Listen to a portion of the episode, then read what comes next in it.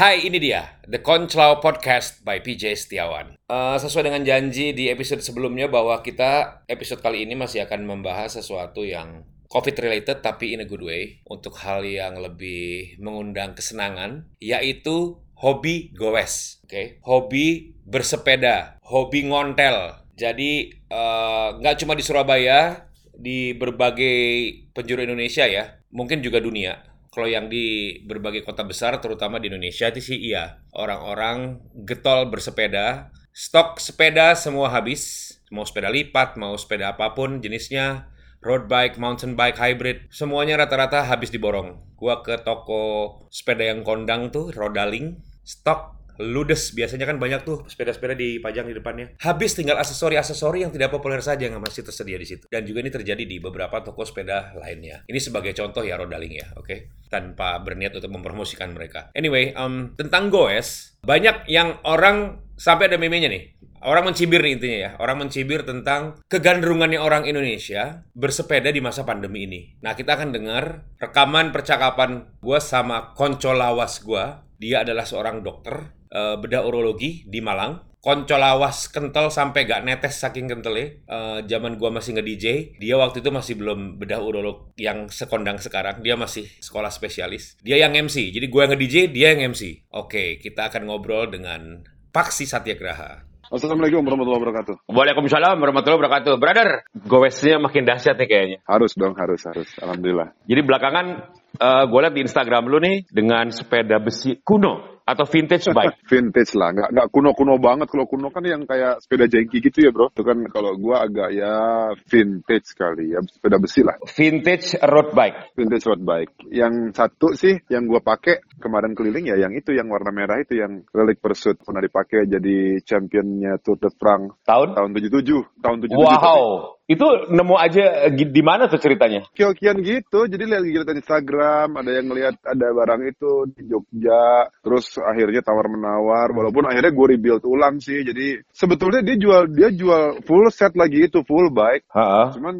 waktu itu karena gue udah jatuh cinta sama frame-nya ya udahlah terserah gue ambil, gue ambil akhirnya grup setnya gue tambah lagi sendiri, gue kebetulan punya wheel set uh, cadangan juga, gue taruh di Wheel setnya vintage juga? Enggak, enggak, wheelsetnya baru. Baru, oke. Okay. Baru. Kan mau dipakai mau dipakai jauh. Uh, jadi biar uh, rasanya, gue pikir lu mau ala 70 tapi ternyata tidak ya, biar tetap ada sentuhan. Ada, ada karena ada tuh lagi, gue barusan dapat lagi, alhamdulillah nih, dapat ah. lagi barang Ceko tahun 80-an juga, jadi awal-awal 80 gitu. Ini ini tapi settingannya vintage banget, jadi si apa grup setnya pun Shimano 600, jadi hmm. bapaknya kalau sekarang namanya Ultegra, kalau Shimano itu bapaknya lagi. Banyak kali itu ya, kalau 80 nah, Yoi coy si apa shifternya bukan dari tangan itu masih yang dari di di top tube-nya itu jadi make oh ya? Uh, iya jadi berasa time capsule banget dong ya make Predator 80-an. Ya kalau gitu kan itu seneng-senengan ya. Pas kebetulan ada barang yang bagus, harganya juga reasonable. Hmm.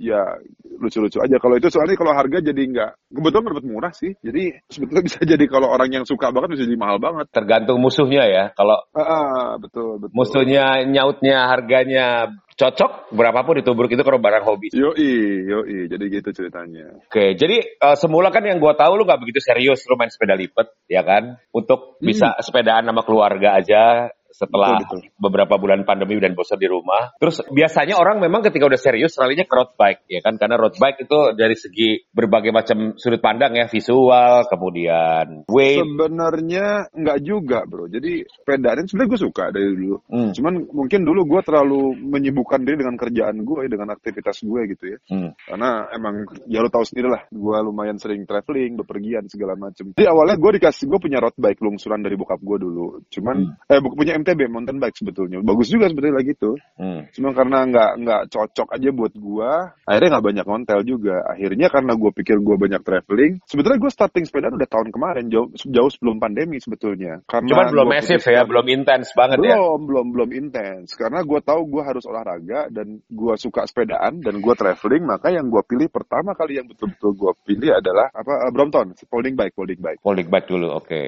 jadi waktu itu pas pas kebetulan kan Brompton belum segila sekarang bareng, coy. Ember. Setelah pandemi gokil gorengannya ya. Jadi gua gua beli Brompton itu masih jauh sebelum Garuda rame itu ya kan, terus Ah, sebelum sebelum Dirut. pandemi, jadi masih very reasonable. Dan gua nitip temen gua dari London gitu, dia dari London, Ah. gua nambah extra baggage sama pajak gua bayar gitu gitu, jadi masih oke lah. Karena lu Iya, titip lah. hand carry. Oke. Iya, tapi gua ada salah juga temen gua soalnya lagi baggage-nya baggage promo, jadi gua bayar baggage-nya sendiri 8 juta sendiri, coy pusing pala gua lagi itu. Jadi akhirnya, sama-sama aja. Itu salahnya gue. Tapi it's okay lah. Tapi itu udah tahun-tahun kemarin sebelum Brompton itu menjadi booming. Hmm. Meledak seperti banget ya. itu.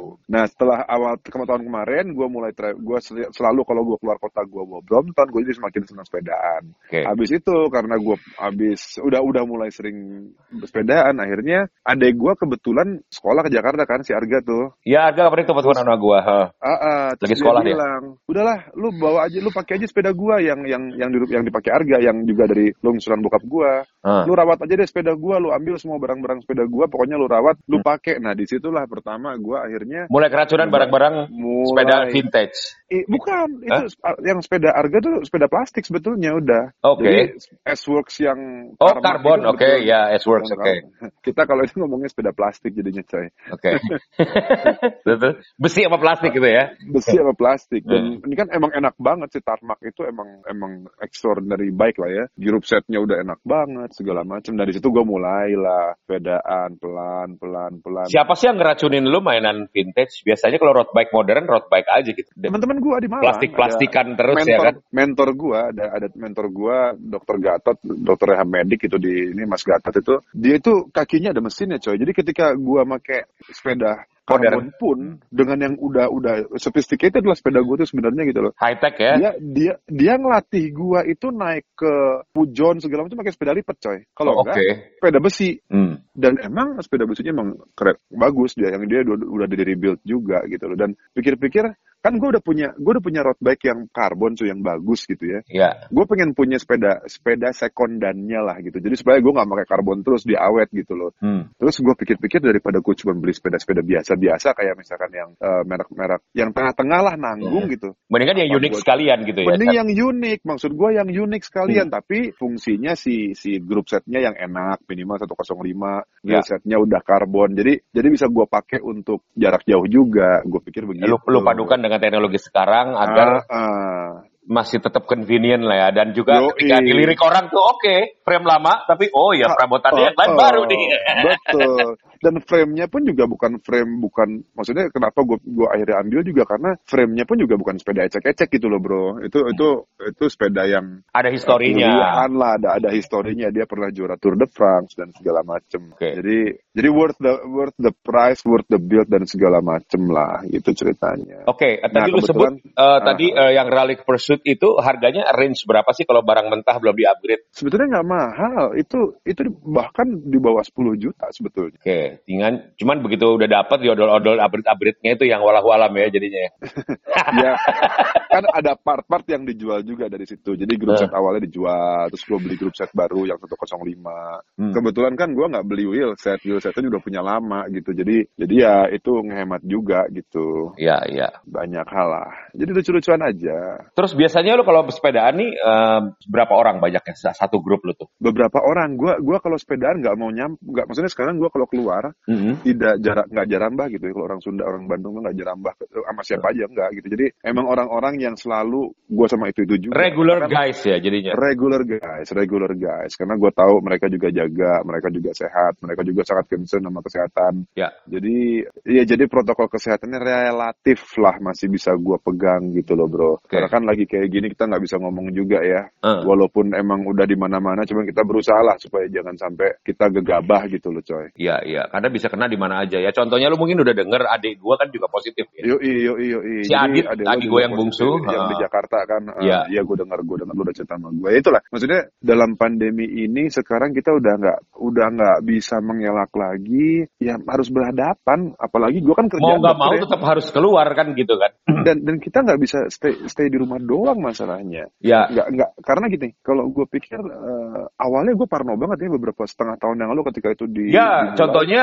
bulan April Mei gua gua main ke Malang. Oh no no no no, jangan jangan. Gua mau main Iya, ke iya, lu iya, kan. benar, benar. Heeh. Heeh, terus gue waktu itu masih bilang, oh no no no way, lu jangan ke Malang dulu deh, lu lu ini. Tapi tapi setelah berjalan enam bulan, gue juga everything's change lah, semua berubah, tren berubah, kondisi berubah. Walaupun kondisi angka lebih tinggi dibanding enam bulan yang lalu, Ya. tapi ya Jauh. memang memang mentalitinya juga sudah sedikit berubah gitu ya. Ya, ya. Polisinya udah banyak berubah dan segala macam. Iya. Kalau awal kita masih nggak tahu, kita masih naif, nggak mau ketemu orang, nggak mau keluar dan segala macam. Sekarang kalaupun kita di rumah doang, orang lain juga tetap berjalan gitu-gitu aja gitu loh. Mm. Itu juga. Jadi akhirnya ya, nah itulah makanya kenapa setelah setelah gua awalnya sepeda itu nggak terlalu banyak, akhirnya gue juga berpikir, oke dengan sepedaan inilah gue juga harus melatih fisik gue supaya eh, apa pun yang terjadi di masa depan, eh, minimal kondisi kardiak, jantung dan paru gue tuh kuat gitu. Kalaupun gue harus terinfeksi, insya Allah kalau gue kuat, gue bisa melawan gitu kasarnya begitu.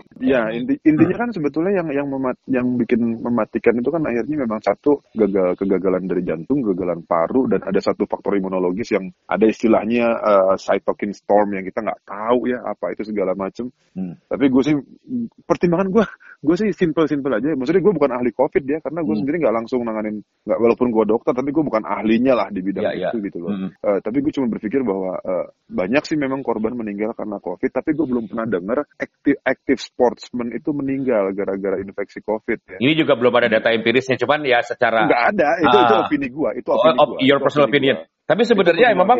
The Konselau Podcast ini memang di luar apa siapa pun yang gua ajak ngobrol, Ah. apa pun background profesionalnya, I'm not asking them about their professional Betul, uh, betul, opinion gitu loh. Gue emang ngobrol based on personal opinion dari lu gitu Ya, loh.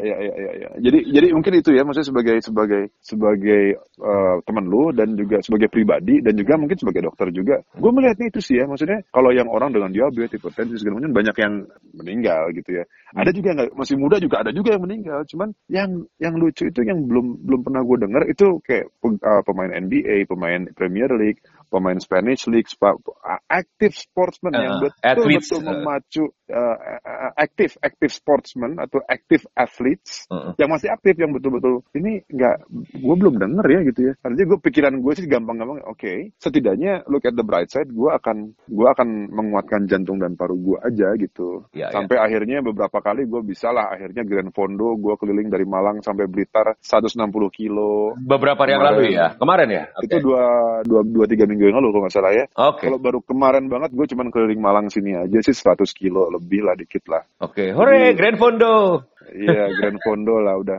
Dulu gue cuma mimpi doang. Gue tuh awal sepedaan dulu cuman dari rumah gue ke Jalan Ijen di Malang tuh kayaknya udah hebat banget. Terus naik ke jalan ke daerah Tidar, naik gitu ya udah udah canggih banget dulu kayaknya. Hmm. Naik ke Batu gitu kayaknya, wih udah bisa ya gue nyampe Batu ya. Hmm. Tapi ternyata setelah setelah hampir 8 bulan, 9 bulan, 10 bulan ini ternyata Benchmarknya makin tinggi ya. Iya, jadi memang nggak mungkin sekarang belajar pegang sepeda, besok langsung 100 kilo itu nggak mungkin coy. Emang impossible, pelan-pelan. itu impossible. Emang itu dibangun pelan-pelan. Gua bangun yang dulu tuh gua misalkan subuh tuh udah nggak malas keluar gitu kan. Hmm. Sekarang ya udah jam 5 jam 5 udah bangun setengah 6 udah berangkat keliling. Jam By the- 7 udah siap buat morning report gitu untuk Hmm. untuk untuk di rumah sakit, online report dan segala macam. So satu setengah jam itu buat gue jadi berharga banget untuk gua goes hampir setiap hari. Oke, hampir setiap hari ya. Pertanyaannya Nick. adalah, ya kenapa kok goes? Kan lu you try to be in Sat- shape, right? Ya ya ya ya ya. Kan banyak opsi yang lain. Why goes? Kalau buat gue opsinya cuma dua. Hmm. Satu goes, dua lari. Oke. Pilihannya cuma dua itu. Karena nge-gym nggak opsi buat gue. Karena gue nggak mau dalam satu ruangan yang ungkap kayak gitu. Hmm. Terus berenang, gue nggak punya kolam renang di rumah. Dan Ya. untuk ketemu di, kolam tempat renang umum, umum berbahaya juga gue ya kan. nggak mau juga ketemu banyak orang gitu kan. Hmm. Itu jadi karena kan bukan berenang yang ditakutkan, tapi begitu kita mentas ketemu orang banyak, itu yang yang yang gue agak agak worried gitu ya. Kalau air Karena-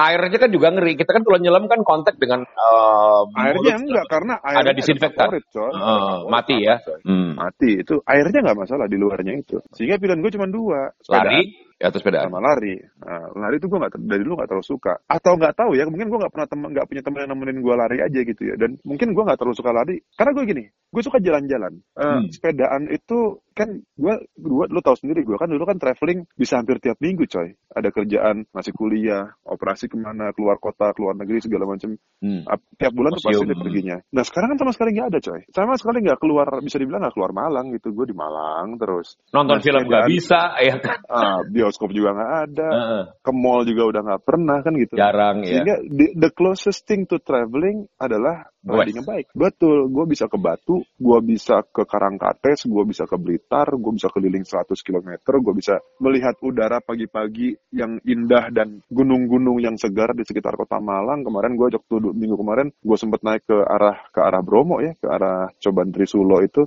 Hmm. Coban Pelangi. Lu ngeliat, aduh indahnya dunia Malang ini luar biasa gitu. Jadi itu mungkin jadi buat gue apa ekstra komplit gitu. Jadi eh, selain mewaraskan badan, tapi juga mewaraskan pikiran gue. Terus terang itu aja. Ya untuk Cuman refresh. emang harus hati-hati juga gitu dengan orang-orang yang kita juga percaya nggak nggak nggak nggak random gitu loh bro, nggak random.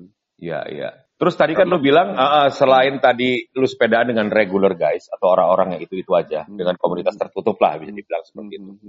Ah, protokol apa sih yang lu bawa nih dengan dengan background lu sebagai tenaga medis profesional kan? Yang lu bawa ke keseharian lu ketika lu doing your activities outside the house. Masker gue pasti bawa, masker Oke. gue pasti Tip bawa. model kayak gimana Cuman masker lu? masker nggak gue pakai ketika gue di atas sepeda karena gue juga banyak baca, penelitian uh, kalau misalkan kita pakai ketika kita aktivitas exercise berat malah bikin hipoksik bahaya coy buat jantung coy Hmm. jadi artinya waktu di atas bike gue nggak akan pakai masker tapi begitu gue turun gue pasti pakai masker ketika gue makan ketika apa maksudnya lagi duduk kan Duduk biasanya kan makan juga ya Hmm. duduk ya pasti masker gue pegang satu masker kedua yang kedua ya itu hand sanitizer gue udah pasti bawa Selalu bawa ya, oke. Eh, itu udah pasti bawa. Oke, itu masker yang lu pakai apa tipenya? Oke, eh, kalau sekarang ya kan banyak nih kan masker tipenya ya, ya, awal scuba barusan dilarang karena ternyata dinilai tidak bukan sebetulnya kan bukan dilarang, Ah. di- tidak disarankan. tidak disarankan. Ya, ya, ya. Karena efektivitasnya kurang kurang bagus dia bilang begitu. Hmm. Ya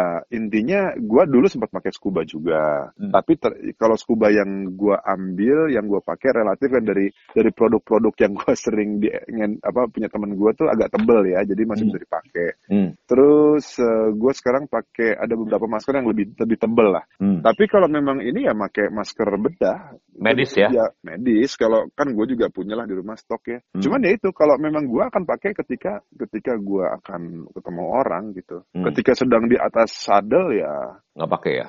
Karena gue nggak mau itu masker ditaruh di dagu gue. Itu malah kotor. Mendingan, coy. mendingan lu kantongin. Mending dikantongin yang betul Gitu ya? pakai cuci tangan, pakai hand sanitizer, baru pegang masker, baru pakai kan gitu. Iya, iya. Ya, nggak gue nggak bilang bahwa apa yang gue lakuin itu udah 100% benar atau enggak karena walau alam ya, karena kan juga nggak mungkin hidup steril terus gitu loh. Gue percaya bahwa ya insya Allah Tuhan juga nyiptain manusia dengan sistem daya tahan tubuh ya. Jadi gue berusaha untuk sebersih mungkin, tapi juga eh, nggak nggak parno-parno banget gitu, bukan tipikal yang super parno. Jadi. Ya, menurut lu penting nggak sih dengan pandemi yang makin berjalan makin lama ini, eh, ketidakparnoan kita tuh menjadi esensial banget sebenarnya? Enggak gini, kalau menurut gue waspada tuh harus. Iya, iya, iya. Ya, ya. waspada tuh harus. Tapi kalau parno Over, overthinking ya. Pak Parno in terms of Ya. overthinking dan gua gua worry too gua much. akan termnya itu adalah parno itu yang overthinking tadi tapi Hmm. kalau waspada itu waspada gitu Ya waspada ya pada tetap ya kan. Mm-mm. precaution gitu loh Iya. gua akan bilang over over worried overthinking yang over tuh parno Iya. tapi gua akan menyebut dari gua waspada Eh, ya lu tau lah gue juga setelah lima- enam bulan kemarin gua kan akhirnya ke Bandung tuh nengokin bokap nyokap gua gitu Hmm. tapi pro- protokol kesehatan di anak istri gue juga udah gua gua tekenin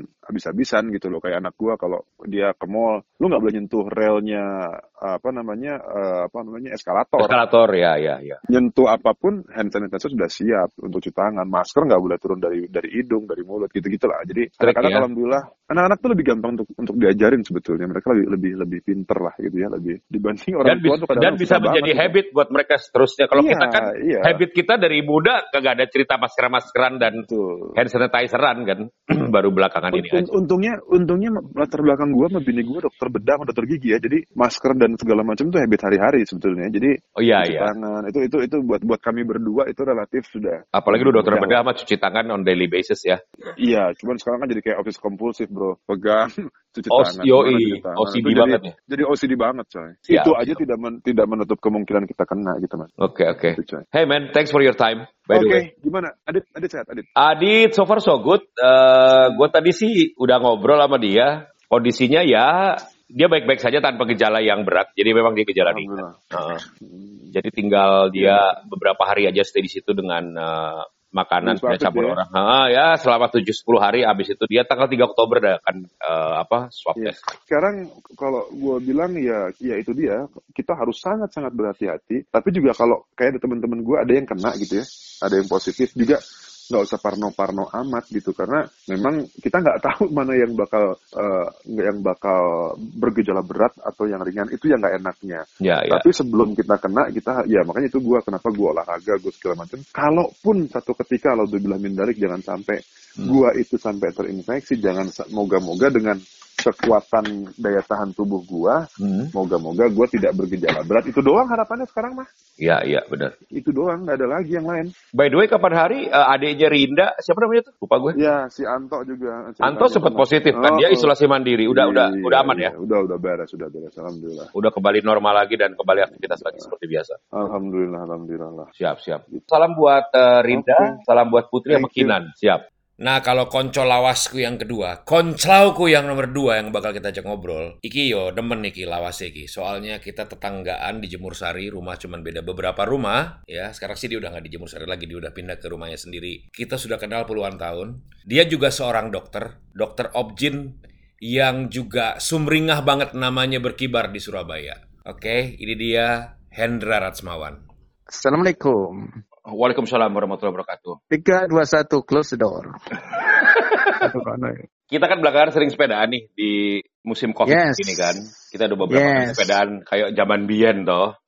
Bener, bener. Kau kan apa-apa. Kayak kan apa-apa maneh. Iya, heeh, heeh. Iya kan. Sementara saat ini enam bulan yang lalu kan semua orang termasuk kita keluar Yes. rumah males, apalagi sepedaan, bener nggak? Eh, eh, bener, bener.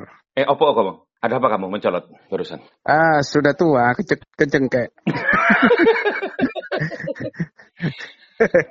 Oke, terus, terus. Kalau Hmm. kalau dari dirimu sebenarnya apa Hmm. sih Indra yang bikin kamu kok goes lagi sekarang? Eh, kalau aku ya, kalau aku goes itu ya memang untuk jaga stamina sebenarnya, utamanya olahraga. Oke, Aslinya olahraga apa pun. Saya kalau olahraga prefer sebenarnya di rumah. Oke, nggak campur Di orang rumah. gitu ya? Nggak campur orang. Makanya begitu awal pandemi kemarin kan saya biasanya rajin fitness center gitu ya. Gym ya? Sekarang alat-alat yang fitness yang aku bisa lengkapi tak lengkapi di rumah. Kayak beban, terus untuk yang pokoknya yang bisa tak kerjain di rumah tak lengkapi. Sehingga saya nggak perlu keluar.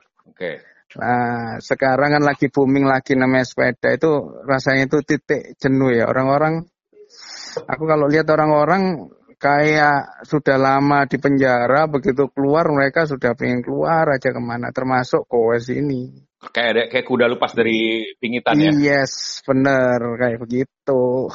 Nah, sekarang kalau dirimu kan Hmm. dokter nih yang juga terbiasa dengan segala macam protokol eh, kesehatan Hmm. terutama ketika lagi melaksanakan tugas di rumah sakit harus APD dan bla bla bla Yes, bla bla yes, gitu kan. yes. Itu Betul, kebawa nggak sih sebenarnya protokol itu ke keseharianmu gitu loh? Nah, ironinya begitu. Di rumah sakit kita ketat kan. Begitu datang kita APD itu level 2, level 3. Minimal level 2. Praktek itu level 2. Hmm. Nah, kalau operasi segala macam level 3. Tapi begitu keluar, kita mau level 2, mau level 3, sekitar kita eh, level 1 aja kadang-kadang nggak bebek. Nggak bebek itu nggak jelas gitu loh. Hmm, Jadi ya, iya betul. Nah, makanya itu yang sebenarnya miris juga, ngeri juga ya kayak kita sepeda mampir makan gitu ya. Eh, ngopi kayak tadi pagi kan gitu ya. iya bener masuk kita dicek suhu terus apa namanya cuci tangan segala macam. Hmm. Tapi setelah itu kita makan duduk ngobrol buka semua masker. Duduknya walaupun nggak akan sampai satu meter. Iya, iya. Iya kan, iya. seperti itu. Iya, mepet-mepet segala macam itu sangat riskan, sangat berisiko nih, menurut Hmm. saya. Ya, makanya dungone sing akeh nih aku. Yo iku Betul. godopate wis iku yo. Wes, dungone sing akeh betul. Karena kalau secara anu loh ya, secara iku virus itu kan sangat gampang sekali. Pindah, ngomong kena ya. muncrat, muncrat. Droplets. Ngomongnya kamu droplets dan muncrat itu kan gampang banget itu. Berpindah. Nah, iya ya. betul. Kalau dan banyak juga cerita dengan mudahnya ada satu kumpulan keluarga datang satu aja yang kena. Hmm. Besoknya sudah satunya kena dan pasti sudah seperti itu. Satu anggone lek perlu kena KB ya. Bet- Betul. Sebenarnya ngeri sih sebenarnya. Cuman Iya. ya apa mana? Oke, terus ada nggak sih ritual contohnya eh, Hmm. yang awakmu pakai sebelum goes nih? Atau Oke, keluar jadi- atau keluar rumah atau keluar rumah? Oh, aku Jadi pakai ini- masker yang kayak gimana apa gimana gitu. Betul betul. Jadi berangkat dari ketakutan juga ya. Selalu di celana itu ada namanya eh, semprotan desinfektan itu selalu bawa. Oke. Dan walaupun aku nggak megang apa-apa setiap berapa satu dua menit tiga menit itu mesti otomatis semprot tangan. Hmm. Nanti habis megang apa semprot tangan. Masker otomatis kalau sudah itu ya minimal masker. Aku sih ke mana-mana bawa masker medis ya emang. Hmm. Jadi kalau di mobil untuk mencegah mencegah kena apa ya kena eh, operasi itu kan di mobil harus pakai masker juga ya. Hmm. Aku pakai masker yang biasa sih, masker yang biasa yang kain, tapi di mobil begitu keluar mungkin Hmm. kalau kita sudah kontak sama orang lain, saya pakai masker medis. Tapi kalau yang sepedaan ya kayak tadi, Hmm. pakai masker yang double, jadi luarnya kain tapi dalamnya itu ada filternya udah. Ada Oke. filter. Kalau kalau yang dirimu pakai tadi pagi itu apa yang ada? Mm-mm, itu kain biasa sih depannya, cuman di dalamnya itu ada filternya N95, jadi ada kayak Oh, dalamnya N95. Oke, ya luarnya filter, aja ya. filter. Iya, jadi filter itu bisa bisa dicuci beberapa kali, nanti kalau sudah beberapa kali pemakaian kita bisa beli baru lagi diganti. Iya, iya. Kalau N95 kurang bagus tambah dua jadi N97 boleh nggak dok? 97 boleh. cuman cuman nutupi moto no bro kok. Terus eh, sebenarnya tadi kan Iya, awakmu sempat ngomong kalau ternyata oh di Hmm. mobil pakai masker biasa, kalau gowes iya, iya, masker ini. betul. Betul, betul. Eh, itu sebenarnya eh, perbedaan dari dari masker-masker Hmm. itu untuk ketentraman hati saja kah? Contohnya begini, ketika di mobil kan sendirian, ya kan? yes, yes, betul, betul. Ya itu itu kan aturan pemerintah yang menurut saya kan agak sedikit ndak ndak ndak apa ya ndak masuk akal juga di mobil sendirian kamu ndak pakai masker kena betul. Dan kalau kita mau adopt yang di Singapura, Singapura itu ada keterangan lagi. Hmm. Kalau di mobil kamu sendirian ndak perlu pakai masker. Kamu kalau berdua atau bertiga tapi dari orang yang satu rumah ndak perlu pakai masker. Itu ada keterangannya. Hmm. Yang di Singapura loh yang aku lihat ya. Hmm. Tapi kalau sini kan nggak diantem rata semua. Di dalam mobil walaupun sendirian nggak kena, eh, apa nggak pakai masker kena. Kena ya, oke. Iya, itu dia. Hmm. Dan kurang menurut saya juga anu ya, petugas yang yang jaga kayak gitu. eh kita disuruh social distancing, padahal mereka sendiri pun ya keroyokan begitu, Hmm. nggak ada social distancing, begitu mereka mesti Tidak, tidak istirahat mungkin. memperlakukan sendiri di kalangan mereka gitu. ya. Betul, betul. Kadang-kadang kan seperti itu. Oke, tadi kan kita ngobrol Hmm, kalau eh, pengamanan untuk goes. Nah, kalau pengamanan ketika jalan ke mall masih jalan ke mall Yes. nggak, bro? Ya, pernah beberapa kali. Bosen juga di rumah ya. Terpaksa ke mall kita. Terus kalau ke mall Iya. gimana? Apa bedanya? Karena kan mall tempat tertutup. Kalau goes kan tempat terbuka. Lebih low risk kalau menurut gue nih orang awam nih. Betul. Betul. Kalau di mall, kan lebih lebih lebar ya. Kalau tempat tertutup pun kita lihat kalau eh, tempatnya kecil dalam satu tempat gitu, Hmm. orangnya banyak lebih beresiko daripada tempatnya yang luas kan. Kalau mall kan mungkin tempatnya luas. Saya lihat juga sebenarnya kalau mallnya rame pasti Mundur, kita ya? mundur pasti. Mau masuk ke resto pun kalau kita lihat rame mundur udah. Hmm. Udah jangan maksa deh kayak gitu. Jangan maksa ya. Itu ya Iya. pencegahannya di sisi itu ya. Betul, jangan maksa. Kalau memang kosong, udah ritual sebelum duduk kita semprot-semprot tempat duduknya. Hmm. eh Misalnya itu Piringnya. misalnya? semprot. Ah, ya bersih ya mas ya. Oke terima kasih. Tadi waiter. Ya, kadang-kadang, kadang-kadang minta izin ke orangnya ntar dikira apa yang menghina. Mas, Nah. misi ya semprot ya. Dan mereka pasti maklum lah. ya dengan kondisi Pasti seperti ini ya. maklum. Iya, pasti Mendingan maklum. better safe than sorry ya dok ya. Iya betul. Ya, benar. Karena yang yang saya ini kan pemahaman tentang COVID macam-macam. Ya. Dan yang yang saya tahu COVID itu juga kena orang juga lihat juga eh, daya tahan tubuh orang. Mungkin kalau sama-sama kena mungkin loh ya. Hmm. Yang saya daya tahan tubuh satunya bagus, satunya jelek, yang kena yang daya tahan tubuhnya jelek. Hmm. Itu juga tergantung dengan viral load. Viral load itu jumlah virus yang Misalnya satu orang ketemu orang yang kena COVID lima orang, Oke. artinya dia akan numpuk ke situ dia kena virusnya itu numpuk. Terekspos, terpapar oleh lima orang. Betul, terpapar lebih banyak sehingga kemungkinan dia terkena itu lebih tinggi. Oh, Oke. Jadi memang kurangi ketemu orang, perbanyak memakai disinfektan. Hmm. Itu. Terus kalau eh, suplemen yang direkomend Oh, apa nih? Bebas aja ya? Suplemen, Batman semua lah, tak minum semua. Minum semua ya? Oke ya, Iya. DC, Marvel, entek no kabeh. Marvel. Bener, bener penting loh itu. Hmm. Penting, apalagi komorbid ya. Komorbid itu misalnya berat badan yang eh obes Hmm. atau yang overweight lah, enggak perlu obes. Oh, ya, aku atau gini. overweight, ah, ah, ente itu obes. Hmm. itu tahunya dari itu, dari BMI, BMI, Body Mass Index. Nanti Oh, iya, dihitung, Mhm. kalau dia di atas 30% berarti dia itu obes. Nah, itu lebih beresiko. Belum lagi umur-umur di atas 45 ternyata itu sudah masuk resiko tinggi, Bro. Waduh. 45. Aku Nah, masih 41. Ente 29 tadi. Oh iya ya. iya, lo lali. Itu resiko tinggi. Belum apalagi penyakit bawaan kita mungkin sudah ada yang kena diabetes, darah tinggi. Hmm. Diabetes, darah tinggi itu tertinggi komorbid yang bisa terkena itu. Jadi hati-hati memang. Siap, siap. Gitu. Oke, Sun loh. Eh, Sip. siang-siang mau tak ganggu. Enggak apa-apa ya. Oke, dengerin Ente di mana? Jemur? Di. Jemur Sari ya? Kita kan cuma beda berapa rumah, tapi telepon-teleponan. Iya, anak di Jemur ini. Social distancing. Social distancing. Jadi eh, Yes. walaupun rumahnya beda berapa rumah daripada kita ketemu tadi pagi udah Betul. soalnya bosen dia lagi dia lagi ya kan. Mendingan tak telepon aja Re, ya kan. Beres pokoknya ada apa kabar-kabar ya. Siap, thank you ya. Oke. Siap, siap. siap. Assalamualaikum. Waalaikumsalam warahmatullahi wabarakatuh. Oke, that was it. Itu adalah Konco Lawas terakhir yang ikut ngobrol di episode kali ini. Terima kasih buat kedua orang dari mereka yang udah mau gua gangguin dan ikutan The Konco Podcast. Yang pertama Konco Lawasku, dokter bedah urologi kondang di Malang, Paksi Satyagraha. Yang kedua juga dokter Objin paling lucu se-Surabaya dan paling keren. Eh, Badannya fit banget ya. Kapan hari dia masih ada kelihatan lemak-lemaknya kalau sekarang badannya kering. Hendra Ratsmawan, terima kasih buat kalian berdua dan buat teman-teman yang sering dengerin uh, The Conslau Podcast, kamu bisa kasih masukan atau apa pun, kritikan, kemudian ide uh, via DM Instagram aja ya. Instagramku adalah di @pjsetiawan. Oke, jangan lupa di follow gitu loh. Yang belum follow eh, di Spotify, yo follow re. Oke, terus jangan lupa kalau mau ngajakin gue bareng juga siapa takut. Oke, DM yo, DM yo, DM yo. Sampai jumpa.